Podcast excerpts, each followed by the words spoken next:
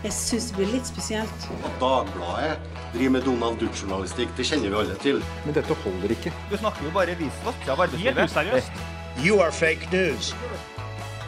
Go ahead.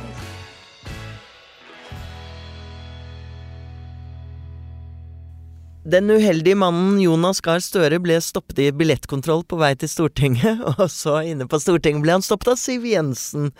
Men det var etter at opposisjonen hadde lagt frem 18 representantforslag eh, for å røyke ut hva Frp egentlig skulle gjøre med sin nyvunne frihet.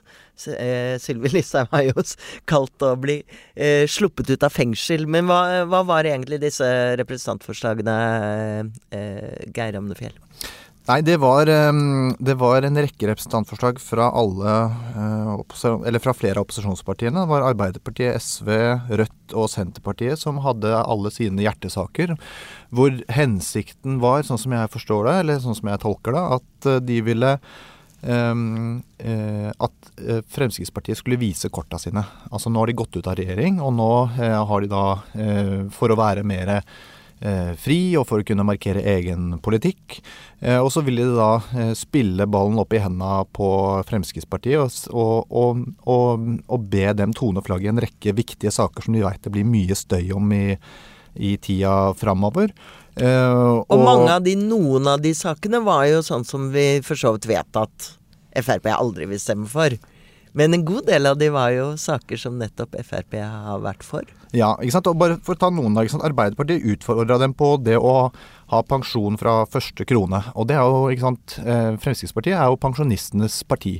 Og da vil Arbeiderpartiet kunne vise til det i debatter videre fremover at dere har gått ut av regjering, men dere er fortsatt ikke pensjonistenes parti. Og så var det dette brille, brillestøtte til barn, som de ba dem om å snu på. Og det vil de jo ikke gjøre, og da kan de si dere er fortsatt for usosiale kutt. Altså sånn disse, disse tingene som vi husker fra, fra alle debatter fram til nå. Og det samme med ar arbeidsavklaringspenger og støtte til uføre, og også ferjetakster. De ville gi mer penger til fylkeskommunene, sånn at de kunne sette Den var snedig. Den var veldig snedig. eh, fordi dette her bygger seg opp som den nye liksom, bompengedebatten. At det er så, blitt så dyrt med ferjer rundt omkring i, eh, langs kysten. Så det er jo noe som eh, Fremskrittspartiet må forholde seg til videre, men det avviste de. Eh, skal jeg gå videre, eller orker vi det? Jo, jo, men, men dette er jo bra. Dette er jo saker vi kommer til å høre mer om fremover, tenker jeg. Definitivt. Eh, Senterpartiet er jo en tilsvarende mm, hva skal man si, skvis som Arbeiderpartiet, nå som Fremskrittspartiet har gått ut av eh, regjering og er blitt en frispiller på Stortinget, eller iallfall tilsynelatende frispiller. Eh, og de utfordra mm, Fremskrittspartiet på rovdyrpolitikken. De vil ha færre eh, bjørneynglinger. ikke sant? Så da har jo da de et kort å spille i debattene. Eh, det samme med de vil stanse all nedbemanning av politi eh, rundt omkring i, eh, i landet. Eh, de vil ha en stortingsmelding om avgiftspolitikken. Eh, de vil ha Og her har vi saker som Frp er for. Nettopp. Dette er jo kjempegøy. Og de vil ha lokal vetorett mot vindkraft. De vil ha Norges forhold til EU på energiområdet utredet. Og de vil ha at ingen fødeavdelinger skal legges ned. Og når Fremskrittspartiet har liksom avvist alle disse her kategorisk, så har da Senterpartiet og Arbeiderpartiet særlig da fått veldig mange gode kort på hånda i debatten, og vil kunne si at ja, ja, dere har gått ut av regjering, men dere mener fortsatt det samme, og dere er egentlig et vedheng til denne regjeringen, og dere mener det samme som dere alltid har ment. Vi har jo snakket om at uh, opposisjonen ofte har vært litt treige, har vi syntes, og litt, kanskje litt for snille og formelle. Men her har de vært rett og slett litt utspekulerte, kan du si. Ja, jeg synes dette Lagt er en snedig strategi. kløktig. Ja, uh, fordi at øh, For de som ikke husker det, så gikk altså Siv Jensen og co. ut av regjering, marsjerte ut fordi den var en grå masse, og de ikke hadde nok gjennomslag. Eh, nå skulle de ut, og antydet at her kunne de få gjennomslag for både det andre, ene og det andre ved å få støtte fra resten av opposisjonen i Stortinget. Men hva er det da Siv Jensen venter å få gjennomslag for? Nei, det er jo Det er hun ikke helt klar til å, til å fortelle til folk. da, og Hun sier jo det også til oss i et intervju, at uh, vi har ikke dårlig tid. Og uh, det betyr jo at enten så vil hun møte disse sakene igjen og igjen, eller så vil hun på en eller annen måte jobbe for at uh, noen av disse sakene er noe hun skal få gjennomslag for sammen med regjeringen på et eller annet vis, eller at de kan komme tilbake til Stortinget med andre saker. Det handler jo også om hvordan forslagene formuleres. ikke sant? De driver og mm. stemmer ned hverandres forslag hele tida. Ja. Uh, men, uh, men, men den lista som, eh, som, ble servert i dag, med disse 18 forslagene, det var såpass uttømmende at her det viser jo hvor mye Fremskrittspartiet har å jobbe med. Hvor mye de faktisk må levere på for at de skal ha troverdighet.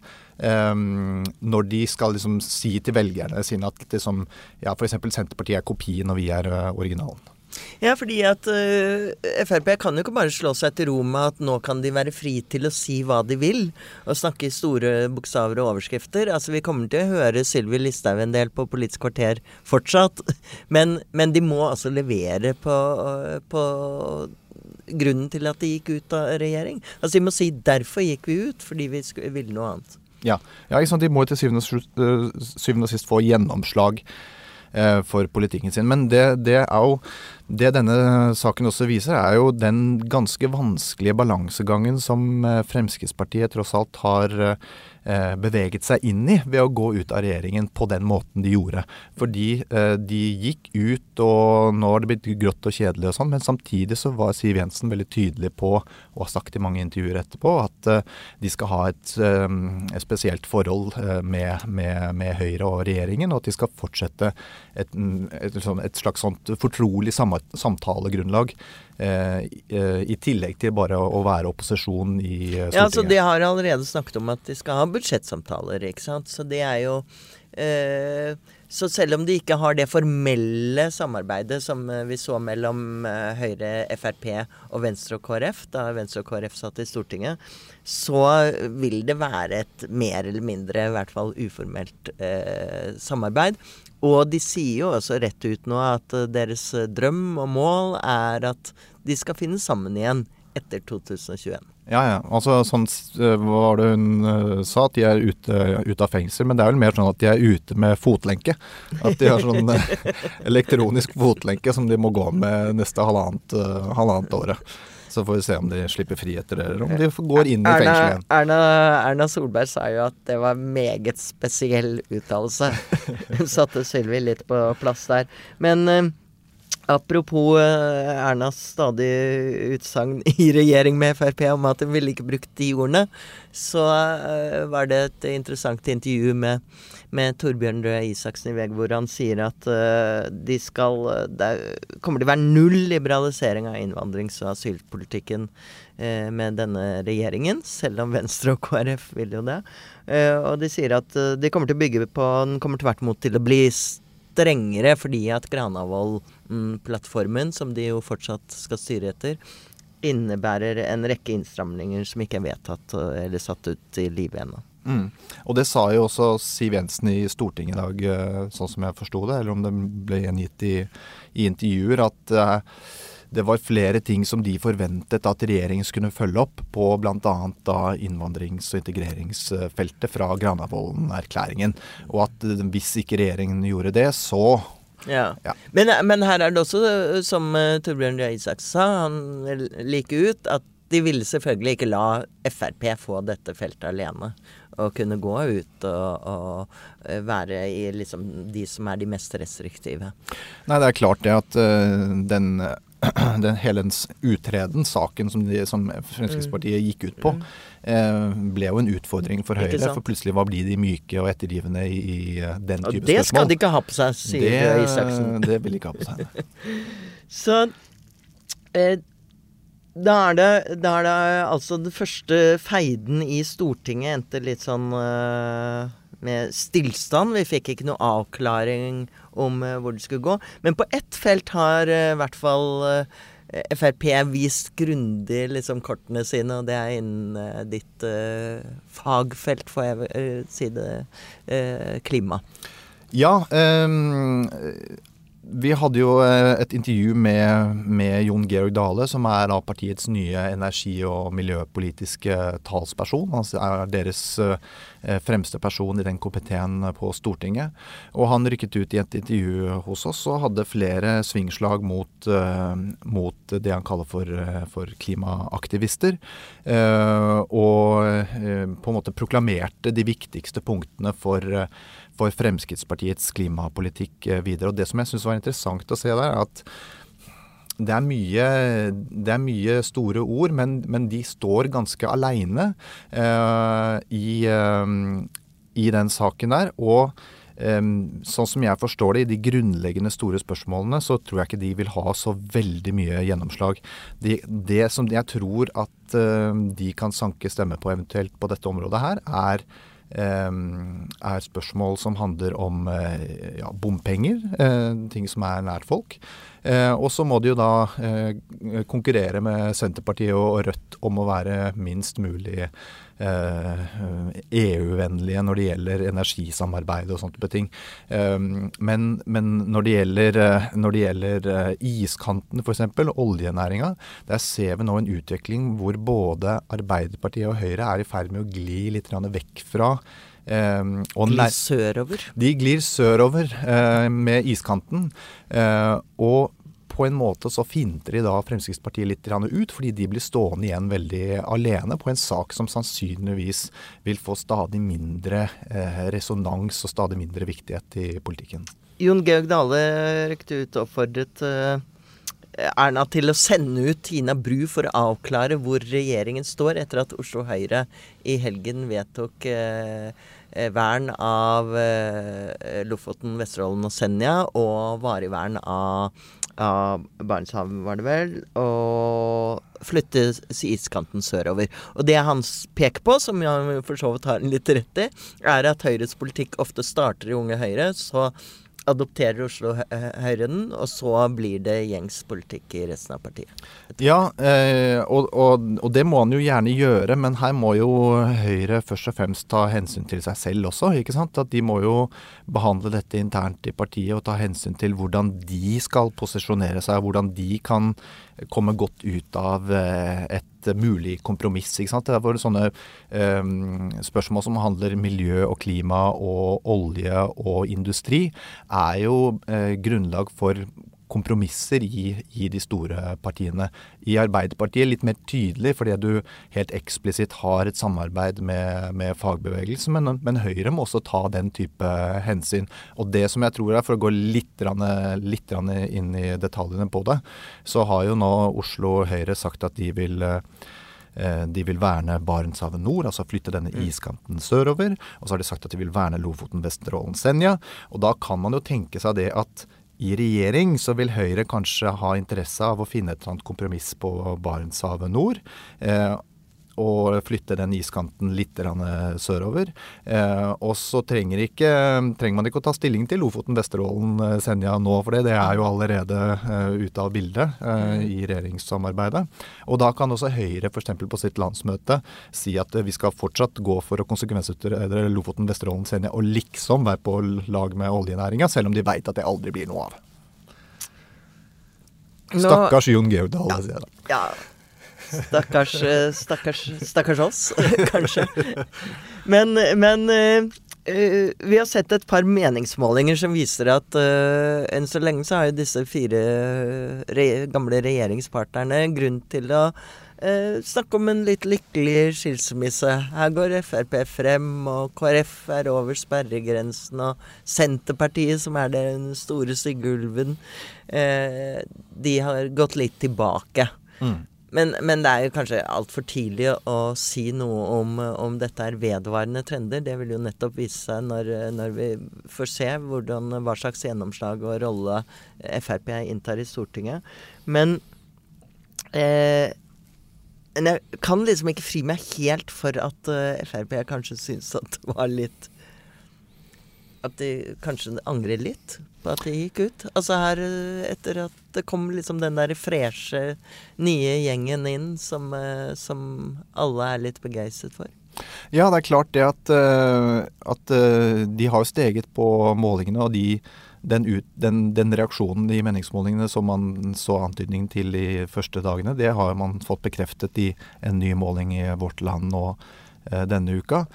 Men, men, men, det er jo ikke noe tvil om at den regjeringstruppen som Erna Solberg har satt sammen, den er spennende for de to samarbeidspartiene. Høyre har fått inn uh, nytt blod, unge mennesker med stort talent inn i regjeringssamarbeidet. Høyre er, jubel, rett og slett. Ja, ja, ja, nettopp. Dette er jo, jeg tror egentlig at Høyre syns at dette her var en ganske god, uh, god løsning. Uh, og hvis Fremskrittspartiet tenkte det at dette her skulle bli lett, at nå skulle de gå ut og være frie og kunne si hva de vil, så har jo nettopp denne uken her vist at den, den posisjonen som de har trådt inn i, er mye vanskeligere å håndtere enn det de kanskje hadde sett for seg. Så det, liksom, det var deilig å ta det bruddet, men etterpå så var det litt sånn litt trist og ensomt, kanskje. Så får vi se om de til slutt må bite i det sure eplet og si ja til noen Gå inn på noen kompromisser med opposisjonen for å få gjennomslag. For de må i hvert fall få noe å vise til hvis de skal si at dette var jaggu verdt det. Mm. Om eh, halvannet år er det jo da det gjelder.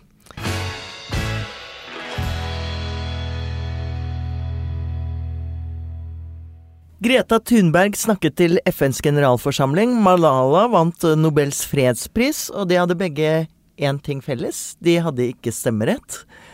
Og det syns jo kanskje noen er merkelig, i hvert fall akkurat for de to jentene der, da.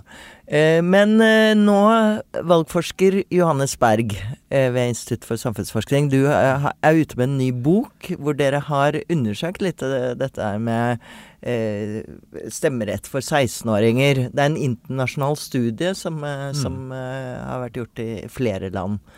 Ja, det, det, stemmer. Så vi har eh, sett på en, rekke land i verden hvor de har senket stemmerettsalderen til, eh, til 16 år. Og, det som er nytt med denne boka, er at vi kan følge de landene over en viss tid. Det er 10-20 mm. år siden Eh, stemmerettsalderen ble senka. Så nå kan vi virkelig se på hvilke konsekvenser det har på, på, lang sikt. Ja, så vi slipper å synse sånn, for dette er jo en diskusjon som uh, kommer igjen og igjen. Ikke sant? Og så har mange liksom rare formeninger om hva som da skal skje, men nå vet dere faktisk litt. Vi vet ganske mye, og, det er klart vi, har, vi visste en del fra før også. Vi hadde det forsøket i Norge med, med stemmerett i, for 16-åringer i noen kommuner, men, men, det var jo bare et forsøk, og det var bare ett valg, noen, mm. noen steder to valg. Sånn at eh, det å se på det, hvilken effekt det har i et helt land over lengre tid, er, eh, er noe nytt.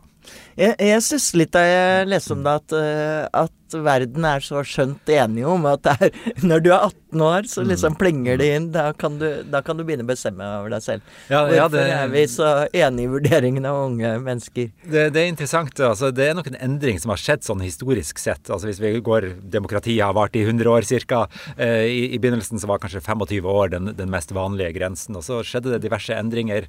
Men, mens etter krigen, da egentlig, så, så ble det de unge deltok i andre verdenskrig. Da ble det mer en debatt om at unge burde også få lov å delta i, i demokratiet. Og så kom det en bølge på 1960- og 70-tallet hvor nesten alle, i hvert fall vestlige demokratiske land, senket stemmerettsalderen til 18 år. Eh, vi var ikke spesielt tidlig ute i Norge. Det skjedde i 78, 1978 her. Mm. Eh, ja, for det, jeg tenker, det er jo naturlig at du hører sammen med at du kan gå i krigen og mm, dø for mm. fedrelandet. Vi i Norge er så fredelig at vi har glemt det å si. Jeg forbinder det vel ofte med at du er rett til å kjøpe øl eller noe sånt. Ja, ikke sant. ja. Så det er eh, Men hva fant dere ut med disse 16-åringene? Jeg skal se litt på hvilket land det er først. Jeg tenkte litt eh, eh, Det er land som Argentina, Brasil, Ecuador, Nicaragua, Østerrike. Ja. Og Umiddelbart så tenker jeg liksom at de kanskje ikke har så mye med Norge å gjøre. Er det, er det litt forskjellig? Det, det, det, kan du absolutt, uh, absolutt si. og det, det, er jo flere land i Latin-Amerika som har senket stemmerettsalderen mm. til 16 år. og Der er det selvsagt mange forskjeller mm. fra, fra, norsk uh, politikk. Men Østerrike er vel det landet som ligner mest på, på vårt land, både når det gjelder partisystem og liksom demokratisk uh, tradisjon og osv. Så, videre. så erfaringene derfra er jo kanskje de mest relevante. Men, men det som De politiske tendensene i Østerrike er jo ikke så oppløftende, kanskje? Kanskje? Eh, Kanskje ikke. kanskje ikke. Og, Men- og det er klart De har hatt et veldig et, sterkt høyrepopulistisk parti Mm. i lang tid i Østerrike. Eh, Så kan man diskutere om Fremskrittspartiet i Norge er sammenlignbart. Men, men det som er eh, kanskje viktig i denne boka, er at vi finner en del ting i hvert fall som er likt på tvers av land. Sånn at Til tross for at Østerrike og Latin-Amerika er veldig forskjellige, hvis, det, hvis man finner akkurat det samme eh, i de to kontekstene, så, så er det vel grunn til å tro at det også kan liksom eh, generaliseres utover de landene. Men hva fant dere eh, Jeg ser at dere bl.a. fant at, at det faktisk virker å trekke unge mennesker inn i demokratiske prosesser. At da blir de mer engasjert, og det faktisk øker valgdeltakelsen. Ja, det, det, det, og det er særlig det at det øker valgdeltakelsen. Så vi visste egentlig fra før at 16-17-18-åringer, de som kanskje bor hjemme hos sine foreldre, de går på videregående skole, lærer om politikk der, eh, en del av et sosialt nettverk, at de stemmer i større grad enn andre. Det som har vært et uavklart spørsmål, er om det, den effekten holder seg på, på lang sikt. Og, og det ser vi i denne boka at, at den gjør. Sånn at sånn sakte, men sikkert så øker valgdeltakelsen eh, i de landene som har senket eh, stemmerettsalderen til 16 år. Men, men de unge, eh, er de, er de til å stole på? Det er vel noe sånn med frontallommen som ikke er helt fullt utviklet. Men, men nettopp. Uh, unge er jo Man ser jo nå at de står jo og er for eh, klima og sånne ting. Det er skumle greier. Så de er, uh, lar seg lett engasjere. De lar seg lett engasjere, og det er nok helt riktig at ungdom lar seg lettere uh, engasjere enn andre, og at ungdom også eh, kan endre mening raskere enn andre. Og Vi finner også i den boka at, at den ene effekt det har eh, å senke stemmerettsalderen, er at det blir mer velgerbevegelse mellom partiene. Så ungdom er litt mer vinglete, rett og slett.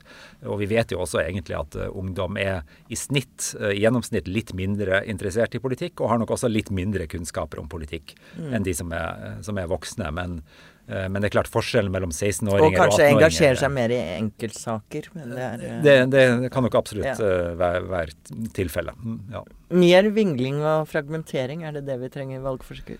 Eh, Det kan man diskutere. Det, eh, vi, vi trenger eh, Det er ikke nødvendigvis negativt at, at det er litt velgerbevegelser og dynamikk eh, i, i politikken, men, men eh, alt, alt med måte. Så, så det, man kan si at da veier man ulike ting opp mot hverandre. Altså økt valgdeltakelse versus litt mer eh, vingling, da.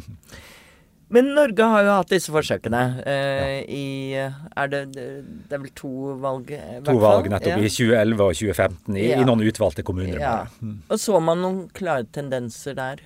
Hvordan de unge oppførte seg? Ja, vi, vi så flere ting. Altså, det ene som var eh, ikke noe oppløftende, var jo at uh, forsøkene hadde ikke noe stor effekt på politisk interesse, politisk engasjement blant de unge. Men, men det som var mer positivt, var at ungdom Unge velgere stemte på unge kandidater i lokalvalget og ga de personstemmer. Det førte til at flere unge politikere ble valgt inn i kommunestyrene Nettopp. i disse kommunene. Så, så det hadde en helt konkret politisk eh, effekt, dette forsøket. At det var flere ungdommer. Ungdommer blir bedre representert, rett og slett, i politikken. Det må jo være en stor og viktig verdi, fordi vi vet jo at det er de gamle middelaldrende som, som stemmer. Og de, de har kanskje glemt litt hvordan det er å være ung, og hva som er viktig for, for yngre generasjoner. Ja, det er helt sant. helt sant. Så, så er, unge politikere er klart underrepresentert i, i, i politikken. Så jeg tror det er bred enighet om at det er en fordel at det kommer flere unge inn. Hvem er det som tjener på det, da? Av, av partiene? Er det, som vi var litt inne på, er det fløypartiene som, eh, som kan glede seg til 16-åringer skal stemme? Jeg tror akkurat eh, i Norge i, i dag, hvis vi senket stemmerettsalderen, så, så tror jeg nok at de rød-grønne partiene ville ha, ha tjent på det. Eh, Vi så jo ved skolevalget nå i, i høst at, at de rød-grønne partiene gjorde det veldig godt. Og skolevalgene er jo nettopp denne aldersgruppen 16-17-18-åringer. Eh, mens- Men det svinger jo veldig, da. Altså, da jeg var ung Mm. på 80-tallet, så var det jo Unge Høyre var liksom totalt dominerende. Det var en høyrebølge. Og så kom jo Frp og var svære Mm. på 90-tallet. Mm. Nei, det er helt sant. Det, det svinger veldig. og Bare for noen få år siden så, så var Arbeiderpartiet eh, langt eh, oppe, og, og det var egentlig ikke så store forskjeller på ungdom eh, og voksne. Eh, Og til og med Senterpartiet gjorde det jo veldig godt i i- Helt sant. skolevalget. Eh, Helt sant. Så, så de partiene som tror at de vil få en liksom liksom garantert langsiktig gevinst av å senke stemmerettsalderen, de, de er nok litt for optimistiske. Så det, det, kan fort endre seg over tid. Ja, jeg tenker liksom at jeg mistenker når jeg ser at Venstre er veldig ivrig for at, mm. for at man skal senke. Det er vel Venstre og SV som kanskje har vært eh, blant de som har gått for 16 år ja, i stemmerett. Nettopp. Og Venstre de trenger jo eh, alle velgerne de kan få, selvsagt. Så, så de kunne jo med god grunn gå inn for det. Men, men KrF ivrer ikke så mye, kanskje? De, de gjør ikke det, nei. og de har jo heller ikke så mange unge velgere. Så eh, skolevalgresultatet for KrF var nok ingen, ikke noe lystig lesning for det partiet. Så tenkte jeg når jeg har en valgforsker i studio, så må vi jo innom den virkelige verden nå. Der hvor, hvor 18-åringer stemmer. Uh, uh, og vi hadde jo et lite regjeringsutbrudd her i forrige uke, og mm. det har gitt seg allerede utslag i meningsmålingene. Frp har steget, Senterpartiet har gått litt tilbake. KrF hoppet så vidt uh, opp på sperregrensen. Er dette Tror du dette er eh, en, eh, noe som kan være en varig trend, eller er det slike utslag du får? Jeg tror nok eh, foreløpig så vil jeg se på det som et utslag av at det er veldig mye som skjer i norsk politikk, at alle snakker om Fremskrittspartiet. Og hvis du da blir ringt opp og intervjuet og spurt om hvilket parti du vil stemme på, så, så, stemmer, så sier du jo lett det partiet du har akkurat tenkt på eller akkurat lest om i, i nyhetene. Så jeg, jeg vil ikke stole helt på de meningsmålingene vi har akkurat i disse dager. Eh, men, men, det er klart det er mange gode argumenter for at Fremskrittspartiet kan tjene litt på å komme i en mer uavhengig posisjon, som jo har vært deres, eh, deres rolle i norsk politikk eh, alltid. Så, så, så, så det, det, kan godt hende at det blir en, en, mer langsiktig gevinst for det partiet. Men akkurat nå så, vil jeg holde an litt og, og vente og se hvordan meningsmålingene utvikler seg. Ja, jeg tenker jo litt at de kanskje ble litt molefonkne da de så hvor gøy det var å stå på Slottsplassen og være, være i begivenhetenes sentrum. Det, det, absolutt, og det er jo heller ikke sikkert at det blir så gøy å inngå kompromisser i Stortinget og forhandle budsjett med, med regjeringen osv. Det er mange, mange skjær i sjøen der. Okay. Men eh, takk for at du kom, eh, Johannesberg. Og så får vi se om eh, 16-åringene får eh, lov til å stemme. Jeg eh, heier jo litt. Jeg er litt eh, Dagbladet er litt sånn kjedelig og grå på dette temaet. Vi har, vi har bestemt at vi er for at det skal utredes. Nettopp. Samme forskerne er veldig enig i det. Ja. Nettopp. Takk for at dere hørte på Siste med Marie Simonsen, og ha en riktig god helg.